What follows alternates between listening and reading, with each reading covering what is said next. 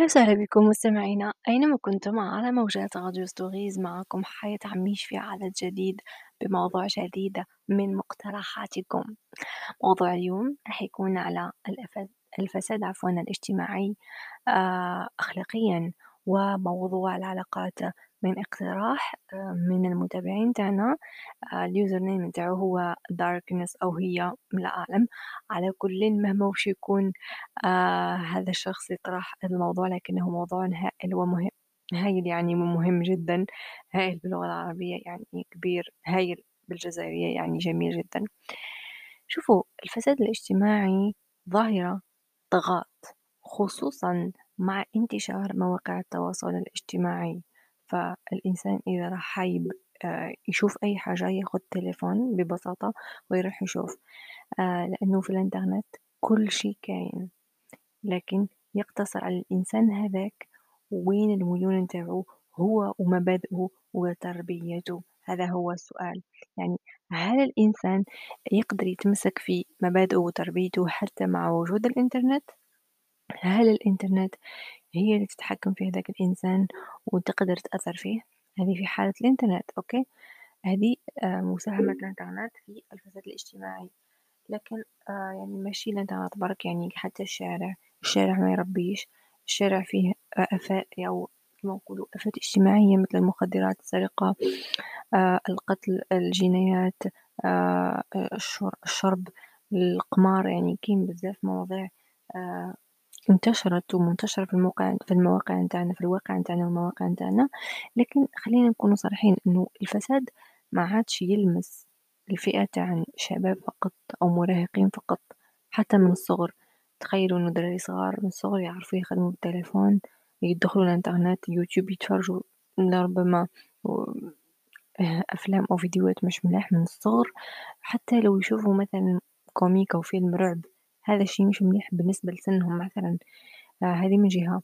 يقدروا مثلا يتصفحوا المواقع مثل تيك توك أو إنستغرام خصوصا تيك توك. تيك توك فيه أشياء رهيبة بالنسبة للدراري صار إحنا كبار وما نقدروش نشوفوهم ونحدوا الفئة اللي نشوفوها والأشياء اللي نشوفوها.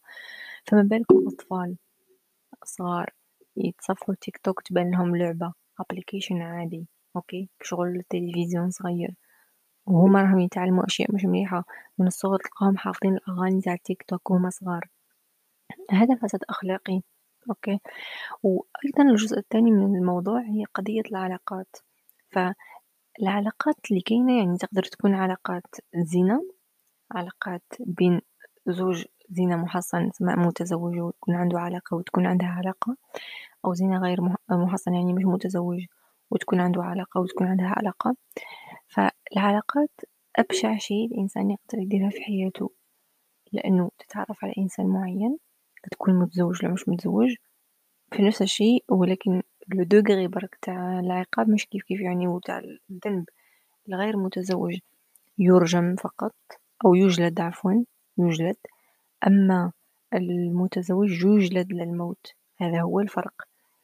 آه لكن في كل الحالتين راح يفسد روحه يفسد حياته. فأنت مش متزوج ولا مش متزوجة. علاش تدخلوا في علاقات باش تخربوا حياتكم؟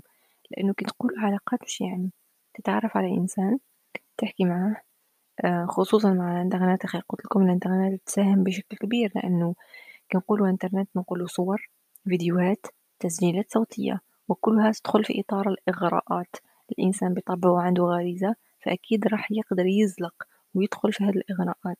كون الإنسان ما يربيش روحه ما يديرش حيز لروحه ويعرف مع من يحكي وكيفاش يحكي وش يحكي يقدر يغلط.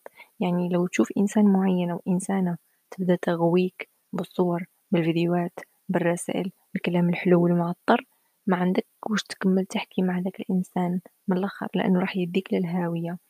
لأنه صدقني الناس علاش يدخلوا في العلاقات في الحقيقة؟ بحكم الفراغ.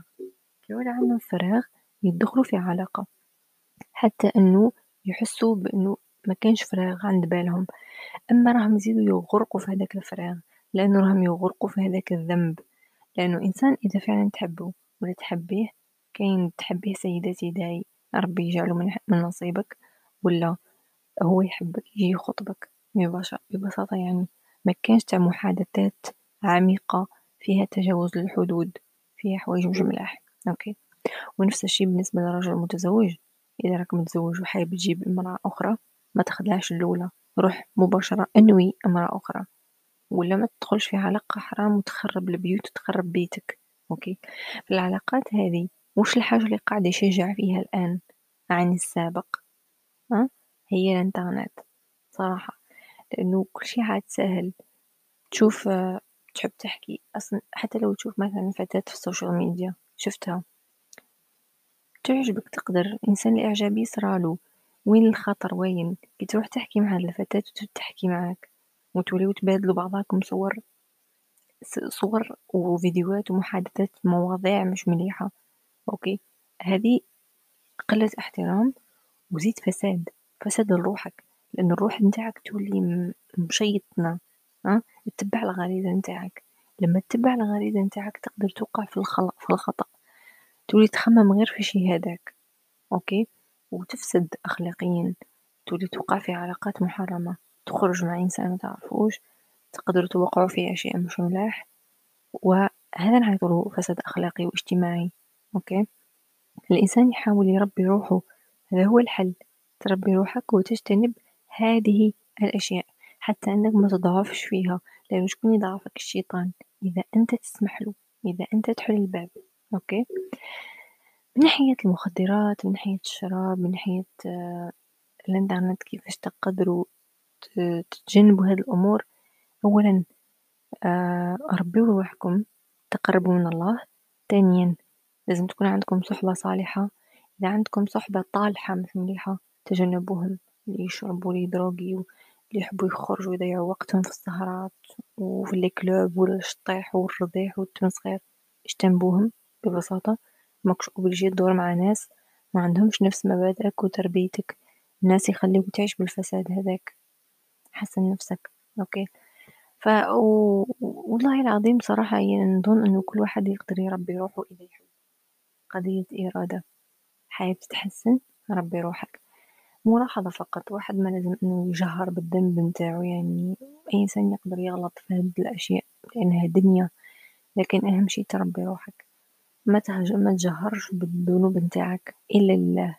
اعترف بذنبك لربي وتوب لربي. وربي أكيد يقبل التوبة نتاعك النصوحة إذا تجتنب الشي هذاك وتتربى فعلا. على كل هكذا كان اليوم موضوع حلقة غد stories كان خفيف ظريف. حبيت أني نسلط الضوء على هذا الموضوع ونحكي فيه بطريقة مختصرة. وإن شاء الله الرسالة تكون وصلت. إذا عندكم تعقيب عن هذا الموضوع نستنى في آرائكم في الانستغرام في البريفي. دمتم في رعاية الله وحفظه وأحبكم في الله ابقوا على خير.